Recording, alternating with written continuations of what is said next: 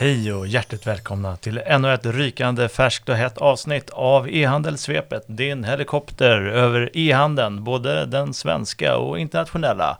Med mig David Gustafsson till vardags reporter och med Ola Andersson, även jag på e-handel, eh, fast mer med plustjänsten som vi har där. Snyggt! Hur mår du Ola? Bara bra tror jag. Det är snorkallt fortfarande men jag tänker att det börjar bli lite ljusning så då mår, jag alla, då mår man ju lite bättre. Väderpodden är här igen. Jajamensan, vi, vi måste prata väder. Vi är svenskar trots allt. Mm, Det bet lite i kinderna i morse, det är Ja. det faktiskt. Och vi är inne i maj, det är lite oroväckande. Sen var jag på Norra Brunn och såg Henrik Schyffert. Mm. Livade Var, upp mig här lite i valborgshelgen. var det också iskallt eller? Eh, Det var stekhett. Var stekhett? I uh, Schyfferts sängkammare fick jag veta att hans eh, lika kända flickvän Nor lackade ur när de hade lite mys där. Jaha, så ja, pass? så pass var det. Så nu blir det lite snusk här i podden. Då frågade hans eh, smarta klocka, träningsklocka, vill du registrera det här som stavgång? Det här passet? Ja, ska jag, ska jag? Ja, jag registrerar det. Hon ser inte, hon ser inte. Men sen är klockorna parkopplade. Ah. Så bara, vad i H? Sa Nor. Har du reggat det här som ett träningspass? Är du helt dum i? Vår Men- teknik avslöjar oss allt mer, det är jobbigt det där. Mm, även Henrik Hjelt skojade lite om att han råkar skicka en uh, dickpic till sin fru via sitt smarta kylskåp.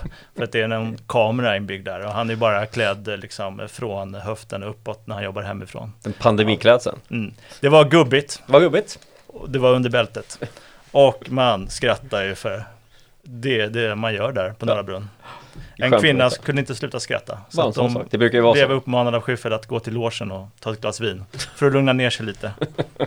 Eh, Han kallade henne för Sälen. Hon ska säga "Ah!" ja. Så att eh, det var min helg. Hur var din helg? Den var bra. Ja. Jag har ju känns som att det var en lugn och stabil helg. Mm, Vilket för oss över till veckans eh, e-handel. Ja, som men föregick helgen. Ja, vi eh, såg lite färska siffror från Klasse. De säljer ju bland annat vitvaror. Mm. Smarta klockor tror jag inte de har börjat med än. Men eh, det var ju en ökad försäljning i april. Men bara 1% och mot april förra året då. 612 miljoner var de uppe i och eh, online däremot plus 7%. Fina Mm. siffror. Ja, Clas Ohlson har ju lite så här, de, de svajar lite fram och tillbaka känns Mm. det som, eh, både butikerna och e-handeln. De är lite eh, ambivalenta där. Ja, Ja. precis. 79 mille online drog de in. Mm. i april och antalet fysiska butiker minskar. Det talar ju Mm. också för e-handeln här. Ja. 222 stycken har de nu mot 229 för ett år sedan. Lite segt i Norge. Där åkte vi ner på minus 9% försäljning. Och det var samtidigt upp 9% i Sverige. Så det Mm, var okej. lite plus minus noll. Finland gick också bra, plus 10. Mm. Så det är överlag en ganska stabil eh, aprilrapport från eh, Det har ju varit lite så tänker jag med rapporten att de har ju faktiskt överträffat förväntningar lite så här överlag på många håll, eh, även de större bolagen. Sen kanske snarare har berott på att inte att det har varit fantastiska rapporter utan att det har varit bättre än befarat. Lite Mm. att det ändå har landat inte så illa som man var rädd för. Just det. Och eh, de här kända, välkända, etablerade varumärkena Mm. går ju starkt. Mm. Återigen de här Boost, Lyko, Revolution Race. Ja. Kommit nya fina Q1-rapporter. Mm. Q4 var också bra. Vi har även gjort ett besök. Mm. Jag har varit ute i verkligheten, träffat verkliga Den människor igen. också. Du är ju en bot som vi vet. Jajamensan. Mm. Sen förra avsnittet. Eh, Jag fick ha en vit rock på mig. Mm. Läkare Gustafsson. Läkarbesök. Mm. Auktoritär. Mm. Var i The Lab hos Lab. Skinnome. som Skinome, vad är de? Ja, vad gör de? Ingen aning. Nej, men de tillverkar krämer utan konserveringsmedel, utan färgämnen och utan parfym. Så att det ska vara fräscht och rent. Men det innebär också att man måste ha grejerna i kylskåpet. Även kunden. Ja. Annars blir det gammalt, det är som med färsk mat. Mm. Det är färskvaruprodukter. Men eh, är de i kylen håller de i ett år. Grundaren är hudforskare och tycker att det är alldeles för mycket tillsatser. Och eh, vi kan ju kanske få höra ett litet klipp om hur det är att vara grundare men inte vd. För hon har lämnat över vd-uppdraget till en Lydia Engholm. Mm. Ja, men det är ju alla fördelar med det. Jag skulle ju aldrig kunna vara VD för jag har ju inte alls den bakgrunden, jag har inte den kompetensen överhuvudtaget. Så att det har aldrig varit, det har faktiskt inte varit på kartan att jag skulle vara VD för, för Skinom. Utan jag är ju duktig på det jag gör på rd sidan och det är där jag ska vara. Ja, det är ju ett exempel på att man som grundare inte vill vara operativ, Mm. utan man vill ta ett steg tillbaka så fort det börjar bli big business, för att det man tycker är roligt är kanske produkten, som i det här fallet då, hudvårdsprodukter.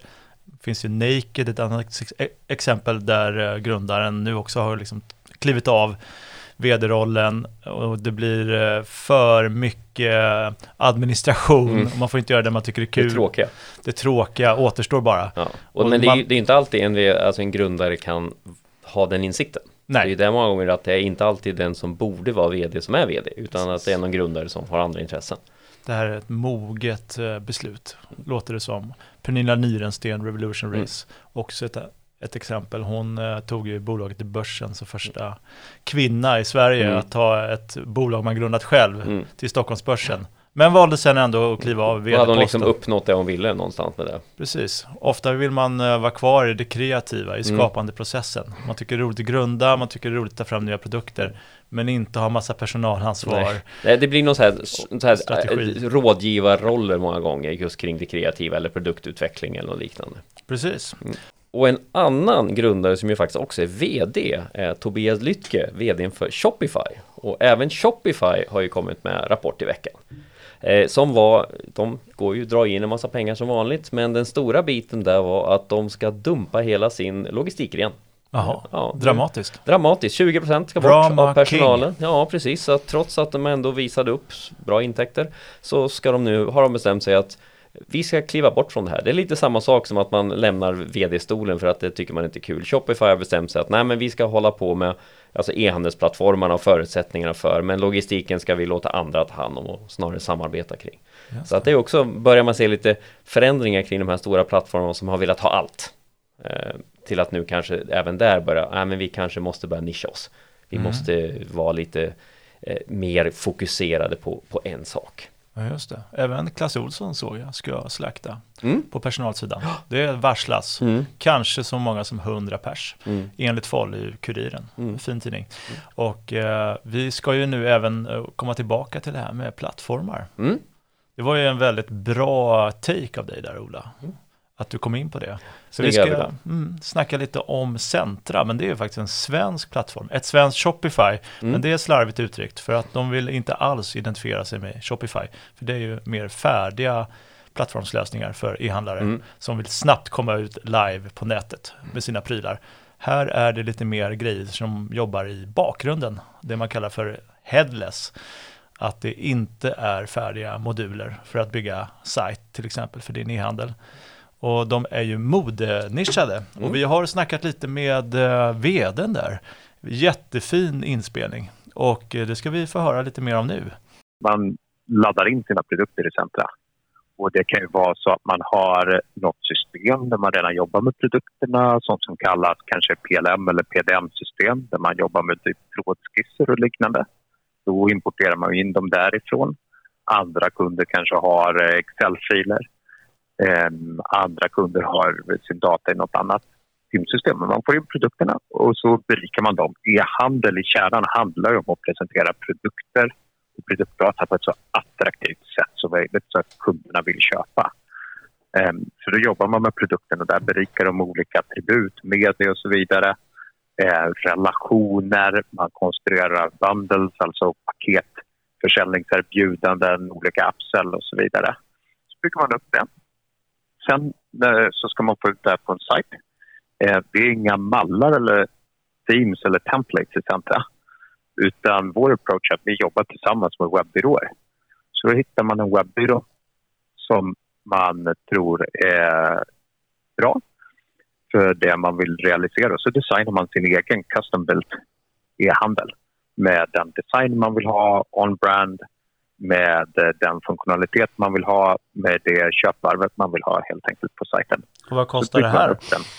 Vad tar ni i ersättning? Det, det kostar, vår, vår prissättning är från 1000 euro i månaden och sen en konsultfirma där får man räkna några hundra timmar. Ja, det är ett exempel på hur man då skapar mycket flexibilitet för e-handlaren här. Det är inget fast format. Nu ska vi föra lite mer om hur eh, plattformen skiljer sig från Shopify som vi nämnde här i inledningen. Ja, där är det ju mer färdiga teman. Det är ju inte B2B på samma sätt sälja mot återförsäljare. Och det är inte heller ett distribuerat order management-system. Alltså, Eh, på baksidan då i centret så kan du ha hur många lagerställen som helst. Man kan ha eh, egna butiker som fungerar som lager och som pick points och så vidare. Så skickar man alltid alla ordrar globalt då till det lagret som är närmast konsumenten.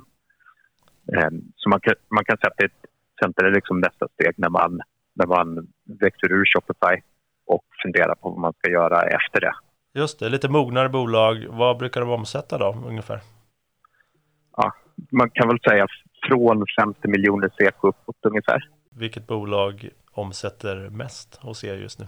Um, det vågar jag inte svara på faktiskt. Nej, men vilka men, nivåer men, snackar vi om då? Ja, men 500 miljoner uppåt ja. SEK omsättning. Sen ställde jag en fråga om framtiden och framtidsutsikter vad gäller innovation och utveckling, inte minst på AI-området då. Hur ska man ta bolaget in i framtiden helt enkelt? Det som är helt revolutionerande just nu vad det gäller AI-tjänster. Vi har haft personalisering länge och liksom kundsegmentering och den typen av grejer inom e-handeln.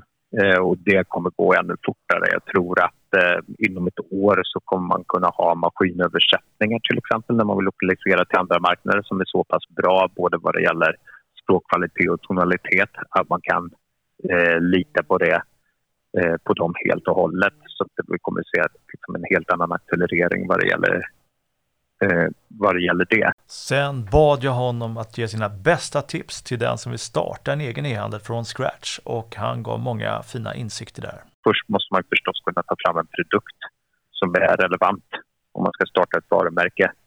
Behöver ha en produkt som är tillräckligt bra så att man kan få en customer lifetime value som gör att man kan ha en affär, en affär med en kund över tid. Om man vinner en kund så leder det inte bara till ett köp en gång utan det leder till en kundlojalitet om man har det på plats handlar det om att sätta en marknadsföringsmix som gör att man kan få in kunder till ett rimligt pris. Och eh, det är inte helt lätt idag men vad vi ser är att många lyckas med snillrika lösningar, jobba med influencers där man inte behöver betala fullpris, jobba med marknadsföring offline. Alltså till exempel, och det kan vara till exempel man öppnar en B2B-kanal, säljer B2B och får synlighet för varumärket hos utvalda återförsäljare. Slutligen då liksom vilken segment ska man öppna den här varumärket i? Jag tror att det finns jättemånga segment där direct to consumer-modellen ännu inte har slagit igenom. Ehm, jag kan ta... Vad jag menar är att det finns en traditionell bransch som inte har digitaliserats ännu, men kunderna efterfrågar det. Jag kan ta det som exempel. Vi har en handfull kunder som jobbar inom equestrian, alltså hästrelaterade produkter. Det är en bransch som för tre år sedan var fullkomligt odigitaliserad. Men där har det kommit helt nya varumärken som på kort tid har kunnat etablera sig som ledare för, eh, för att det finns en efterfrågan hos konsumenterna. Mm. Det finns andra sådana nischer som inte har digitaliserats. Jag kan slänga ur mig några exempel. Ehm, jag tror fiske. Det är förvisso återförsäljning online men det finns väldigt få globala direct consumer-varumärken och de traditionella varumärkena hänger inte med. Jag skulle kolla på eh, kontorsattiraljer.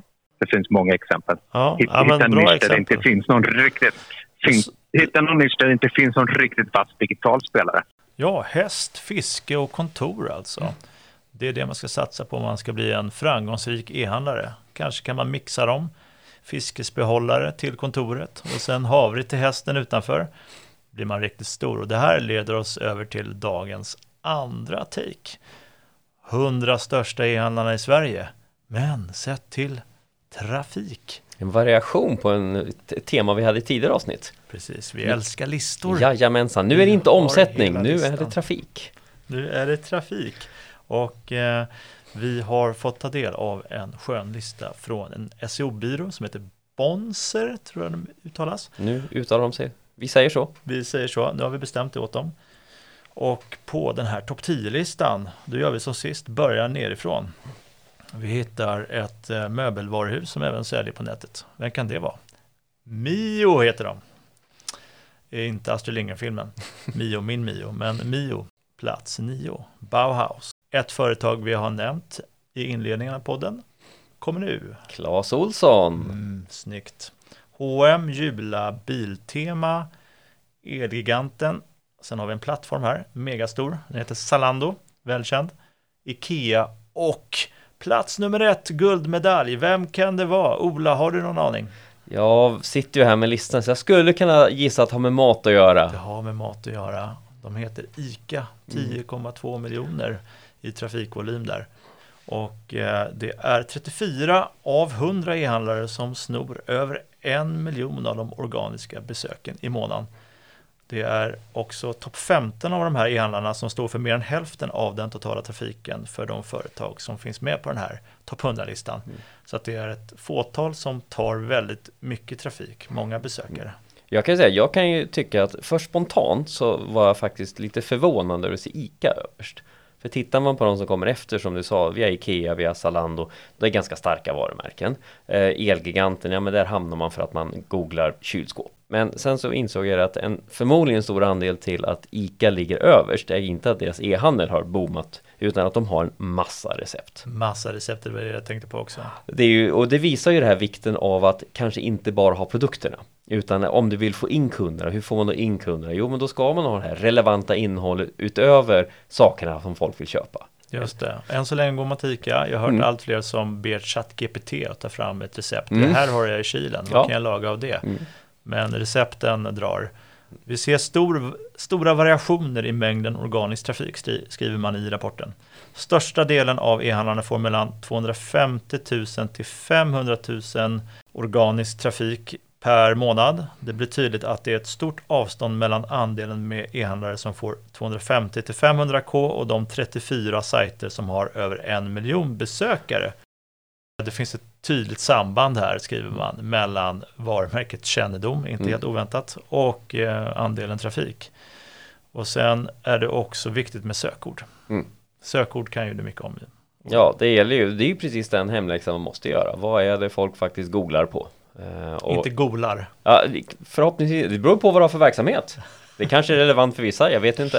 Eh, men det är ju precis det här, om man vill synas, vad är det folk faktiskt är ute efter? Och då kanske inte just det här klassiska exemplet, det är inte en borr jag vill ha, jag vill ju få hål i väggen. Eh, och då är det att, okej, okay, hur ska man då hjälpa de kunderna som vill ha ett hål i väggen så att de kommer till oss och köper vår borrmaskin?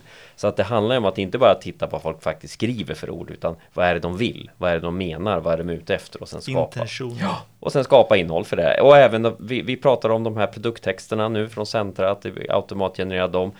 Att produkttexterna motsvarar det som faktiskt står och det kunderna är ute efter. Så att det är ju jätteviktigt. Man lyfter i rapporten fram Lyko här som ett eh, framgångsexempel på ett företag som har lyckats väldigt bra med sina sökord. Sökordet Lyko, inom citationstecken då, har på Google ökat med 102% i så kallad sökvolym på tre år. Mm. Och man även räknar in sökningar som Lyko rabattkod och Lyko butik så blir den här volymen ännu större. Ändå hittar vi Lyko först på 36 plats, plats 36. Men eh, det är en raket i sammanhanget då, som man eh, lyfter fram. De har vandrat många platser uppåt i listan. Och om man då vill ta sig in på en sån här topp 100-lista, inte minst med att dra in trafik från Google, så handlar det också om att sticka ut och synas och kanske då ha bilder och videos som sticker ut. Ja, jättebra. Sömlös och övergång. Sömlös övergång. Och vad kan man då ha? Jo, i vår tredje take så tänkte vi då för en gång ska vi prata om Amazon. Oh, jag, jag tänkte. hört talas om det. Vad är det för något? Amazon, den, den lilla e-handlaren, nischade e-handlaren. Mm. Eh, men jag tänker faktiskt egentligen inte fokusera på Amazon utan det är ett samarbete som Amazon har inlett med Pinterest. Mm. Den här annonstavle sociala medier. De har inlett ett samarbete kring annonsering eh, som är ganska intressant. Så att det är egentligen Pinterest vi ska prata om. Så jag kommer undan, det blir lite Amazon, men bara lite grann. Vilken tur tur den här gången. Nästa gång så. Det nya samarbetet är första gången som Pinterest då öppnar upp sin annonsplattform för externa annonsörer som får lägga in sina annonser utifrån via externa annonssystem. Så att Amazon kan nu koppla in sitt annonssystem in till eh, Pinterest. Så det är första gången som Pinterest har tillåtit det här. Och det är lite talande just att det är en e-handlare som Pinterest väljer i det här sammanhanget. Pinterest är ju lite grann de är ju lite nischade, de glöms ju ofta bort. Men det var det första sociala mediet som styrde om mot e-handel och började satsa på att okej, okay, det här är nog ett ställe man lägger upp inspirationsgrejer som man vill köpa. Och nu tänker ju då Pinterest kapitalisera ännu mer på det här. Men det som också är intressant, det är att nu vill, för Amazon satsar ju jättemycket på annonser förstås. Det är en, en större och större del av deras verksamhet, men det är på deras egna plattformar. Nu börjar de också känna att ja, men vi måste vi också finnas på andra ställen för att dra folk till Amazon. Så man börjar märka att även Amazon känner av det här kampen om e-handelskunderna. Nu måste vi börja synas på andra ställen och nu har man ju då dessutom inlett ett samarbete som gör att Amazon kan tjäna pengar på sina annonser så att säga på andra plattformar. Ja. Och eh, vad är det här ett uttryck för, menar du, Ola? Jag tänker att dels som vi sa att mycket hårdnade i handelsklimatet. Eh, även Amazon känner ju av det. Vi har pratat Shopify, de stora plattformarna börjar känna av att det är tufft. Men också annonsering har ju också haft det svårt senaste året. Det ja, det varit... brukar ju vara den bromsen man drar i först så fort ja. det blir lite mindre i plånboken ja. för ett företag. Så man börjar inte sparka folk det första Nej. utan man drar i annonsbudgeten. Mm. Det är den som får krympa. Samtidigt så är det ju det som är så jobbigt är också att för att få in nya kunder så måste man ju så att säga lägga pengar. Det är, det är den här jobbiga cykeln man kommer in i. Det är bättre att ha kvar kunder än att köpa nya så att säga. Eh, men det är ändå intressant att de här två plattformarna nu tänker att okej, okay, hur ska vi ta oss an? Till exempel Google ju som ju satsar mer och mer på att synas och ta över shoppingen och de andra. Och även hur ska Pinterest kunna stå sig mot de andra sociala medierna? Så att till och med de här ändå ganska stora plattformarna börjar hitta vi måste börja samarbeta med varandra på nya sätt.